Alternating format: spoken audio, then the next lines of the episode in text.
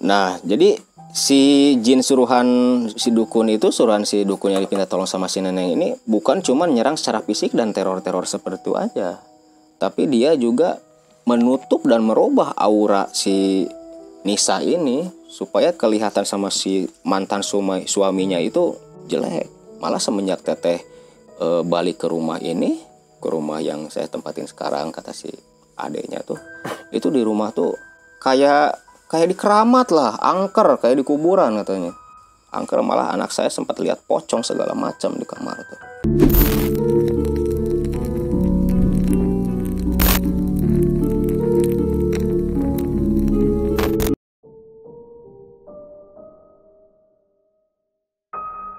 Halo YouTube, kembali lagi di channel Tatar Pakuan Alam dan kali ini saya sudah bersama narasumber kita yaitu Ang Maman.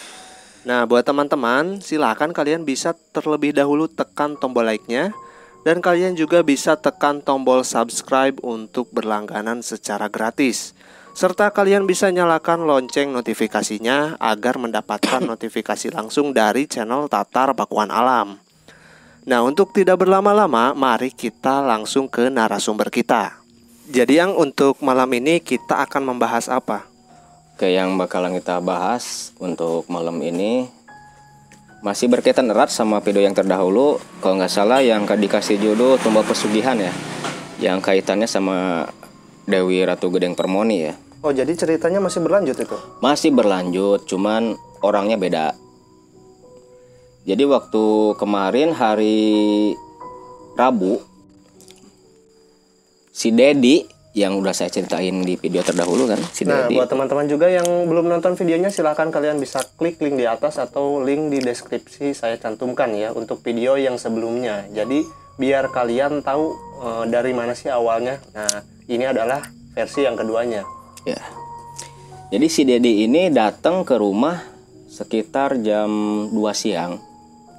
Sekitar jam 2 siang dia datang ke rumah silaturahim kan. Cuman bawa orang. Katanya masih saudaranya. Kalau nggak salah tuh eh, masih sepupu lah, sepupu dia anak dari kakak ayahnya. Kakak ayahnya si Dedi ini.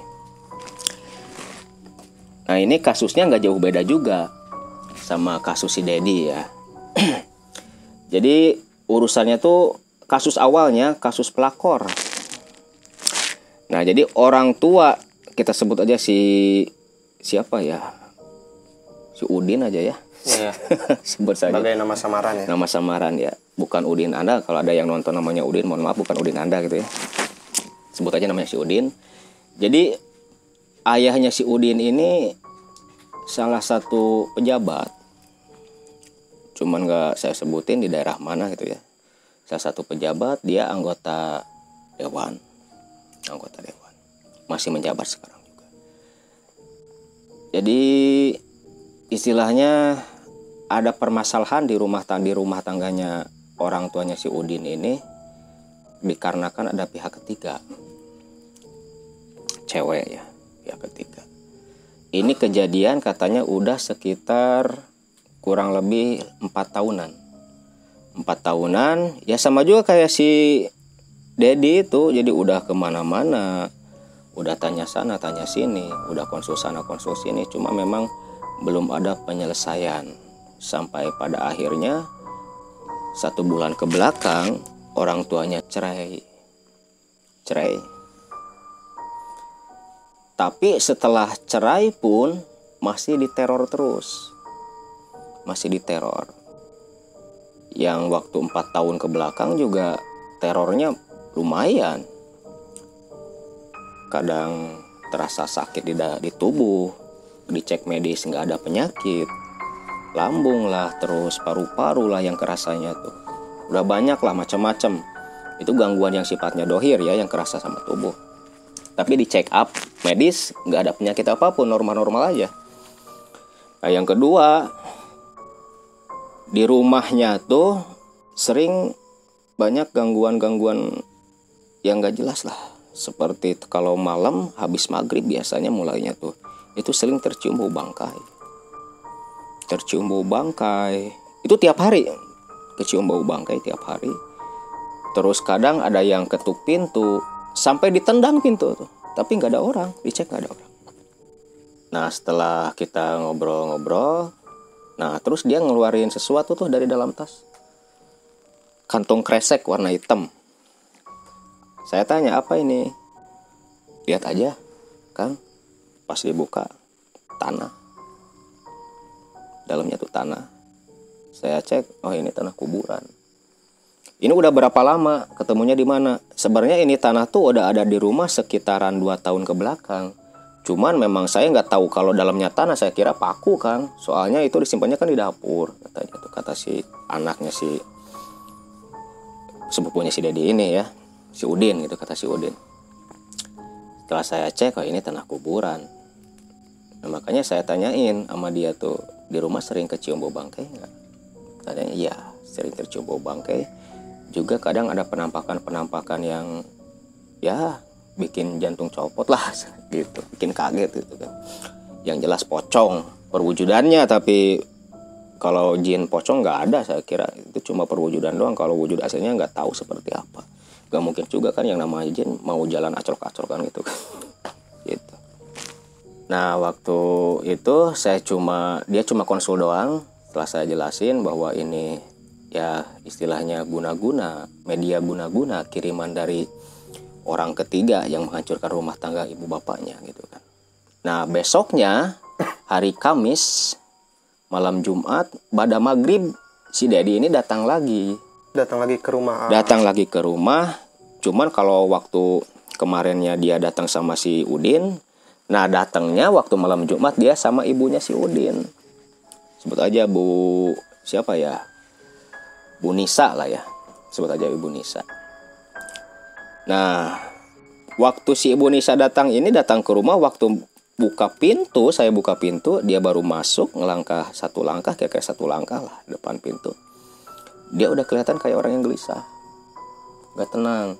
Waktu duduk ngobrol juga nggak fokus. Nah akhirnya dia cerita tuh dari mulai awal kejadian sampai apa yang dia rasakan seperti yang tadi saya jelaskan kan, e, serangan ke fisik, terus teror di rumah sampai akhirnya dia udah nggak kuat gitu kan. Yang namanya wanita kan istilahnya dia bisa bertahan dengan keadaan kemiskinan suaminya tapi dia jarang bisa bertahan dengan tingkah laku buruk suaminya kan. Jarang lah ada yang kuat gitu kan. Akhirnya dia cerai. Nah setelah cerai pun kata si Nisa ini serangan-serangan tuh masih ada. Masih ada. Nah akhirnya berhubung udah malam saya juga waktu itu kan ada kegiatan juga. Ada acara. Jadi saya janjian aja hari Jumat.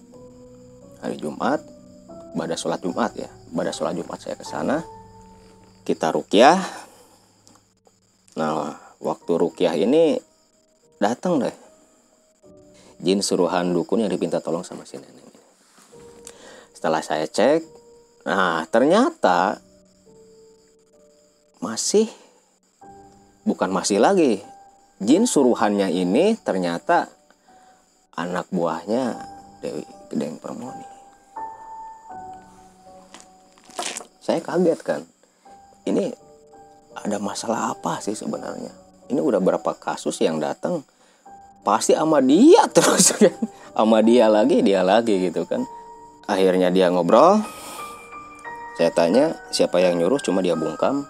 Nah, saya salut juga setia juga dia sama sama apa sama bosnya gitu kan sama si dukunnya. Kita rukyah itu rukyah dari pada Jumatan sekitar jam 2 kurang lebih berapa jam? 3 jam lah dia saya rukyah 3 jam. Selama 3 jam juga dia muntah terus. Muntah muntah muntah sampai lambung seperti yang ditusuk kepala seperti ya pokoknya udah nggak jelas lah rasanya tuh katanya kata sini akhirnya selesai rukyah. Nah ternyata ada sesuatu yang ditanam dalam rumah cuman sejenis buntalan gitu kan sejenis buntalan akhirnya saya hancurkan juga nggak saya buka. Takutnya malah jadi fitnah yang enggak enggak kan. Saya hancurkan bakar. Nah setelah bontalannya dibakar mulailah. Dia kondisinya mulai stabil lagi mulai stabil. Nah jadi si jin suruhan si dukun itu suruhan si dukun yang dipinta tolong sama si nenek ini bukan cuma nyerang secara fisik dan teror-teror seperti itu aja tapi dia juga menutup dan merubah aura si Nisa ini supaya kelihatan sama si mantan sumai, suaminya itu jelek, nyebelin, hawanya pengen marahin terus. Tiap hari katanya berantem terus. Nah itu bawaan dari pengaruh jin yang memang dikirim buat nutup auranya, buat malah sampai e, menipu pandangan orang yang melihat. Terus terang orangnya cantik, cantik banget. Menurut saya kan kalau cantik kan relatif, tapi menurut saya cantik banget ya. Orangnya cantik soleh juga tapi kelihatan sama orang lain tuh kayak nenek-nenek menua wajahnya tuh menua bahkan adeknya yang waktu itu hadir juga waktu saya rukyah dia bilang sendiri saya juga Kang suka aneh kalau lihat wajah si teteh itu. Kadang biasa kadang kayak nenek-nenek kadang nyeremin. Kadang kelihatan mukanya tuh hitam pada orangnya putih. Kadang mukanya tuh hitam kelihatannya tuh. Saya sendiri sampai takut. Malah semenjak teteh e, balik ke rumah ini ke rumah yang saya tempatin sekarang kata si adeknya tuh itu di rumah tuh kayak kayak di keramat lah angker kayak di kuburan katanya angker malah anak saya sempat lihat pocong segala macam di kamar tuh. Akhirnya setelah beres rukiah saya protek juga si Nisanya. Alhamdulillah sampai sekarang dia eh, nggak e, ngalamin lagi hal-hal yang aneh-aneh gitu. Mulai bisa move lah dari kejadian-kejadian yang kemarin. Nah, selang berapa hari saya pulang rukyah, waktu itu hari, e, beres rukyah hari Jumat kan tadi saya bilang hari Jumat. Nah, sekitar hari Selasa datang lagi lah anaknya sini saya ini datang lagi ke rumah. Cuman dia mintanya minta ditolongin bapaknya. Minta ditolongin bapaknya yang selak yang sekarang e, lagi hubungan sama si neneng itu. Nah, kasusnya nggak jauh beda sama si Dedi, bapaknya tuh. Percis banget si Dedi. Dia ini diporotin terus, porotin sampai lupa anak lupa, lupa istri lah. Malah sekarang juga setelah cerai itu dia nggak ngasih sepeser pun uang sama mantan istri sama anaknya. Sedangkan anaknya masih sekolah dua-duanya. Perlu biaya besar. Sedangkan istrinya gak kerja. Nah yang saya khawatirkan juga kayak si Dedi setelah habis hartanya kena tumbal dua juga dia soalnya sistemnya kayak gitu jadi sistemnya eh, di eret hartanya dihabisin hartanya hartanya habis secara tidak langsung si laki-laki ini si ayahnya si Udin ini jadi tumbal. Seperti kejadian-kejadian yang pernah saya ceritakan dulu. Ngeri juga lah. Dan sistem tumbalnya pun memang sangat-sangat rapih, rapih banget. Kalau misalnya kita kurang teliti, kita nggak bisa nebak, bisa nggak bisa apa, mastiin dia jadi tumbal. Kalau kita kurang teliti, soalnya kena penyakit juga. Jadi dicek secara medis memang meninggalnya karena sakit, karena penyakit gitu. Nah ini, cuman penyakitnya ini kayak penyakit dadakan kayak jantung biasanya. Kalau nggak jantung, eh, pecah pembuluh darah seperti orang mau stroke. Nah kalau untuk kasus ayahnya ayahnya si Udin ini belum saya garap. Soalnya pertama memang saya perlu uh, apa perlu persiapan yang memang benar-benar perlu protek juga. Soalnya saya juga keluarga kan istri sedang hamil takutnya ada efek apa gitu kan ke istri. Makanya belum berani saya garap sekarang-sekarang gitu kan. Dan juga soalnya kalau yang namanya urusan sama hal seperti itu itu efeknya berkepanjangan sama si perukiah tuh berkepanjangannya gini. Se kalau apa kalau se si perukiahnya ini berhasil berhasil gak akan ada kejadian apa-apa. Cuman setelah si perukiah ini meninggal keluarganya yang jadi sasaran. Jadi sasaran siapa? Sasaran makanya bukan masalah kecil. Kita juga tar perukia taruhan nyawa juga. Ngurus yang kayak gitu tuh Jadi kalau kita memang benar-benar uh, protek nggak kuat, terus nggak ada protek juga buat anak, istri, keluarga, baiknya pikir-pikir dulu lah kalau garap hal seperti itu. Nah untuk kasus ayahnya si Dedi ini mungkin nanti setelah saya garap, setelah persiapan selesai, ya mungkin ntar kita ceritain lagi di video selanjutnya. Itu ya tunggu aja lah kalau pengen tahu gitu kan. Soalnya ini kayaknya menurut pandangan saya gitu, ini kasus berkelanjutan terus, berkelanjutan terus. Udah mulai kecium-cium lah, bakal bermunculan lagi orang-orang seperti itu. Ya tunggu aja lah. Nah buat teman-teman, jadi itu merupakan kelanjutan kisah atau cerita mistis yang dialami oleh Ang Maman ketika melakukan rukyah atau e, menolong temannya yang terkena guna-guna ataupun pelet ya. Nah buat teman-teman yang punya cerita mistis ataupun cerita horor, nah kalian bisa tulis di kolom komentar ataupun kalian punya pertanyaan silahkan kalian bisa tulis di kolom komentar dan terus saksikan channel Tatar Pakuan Alam ini serta video-video yang akan datang. Terima kasih yang sudah menonton dari awal hingga akhir. Jangan lupa like, komen, dan juga subscribe. Sampai bertemu di video-video selanjutnya.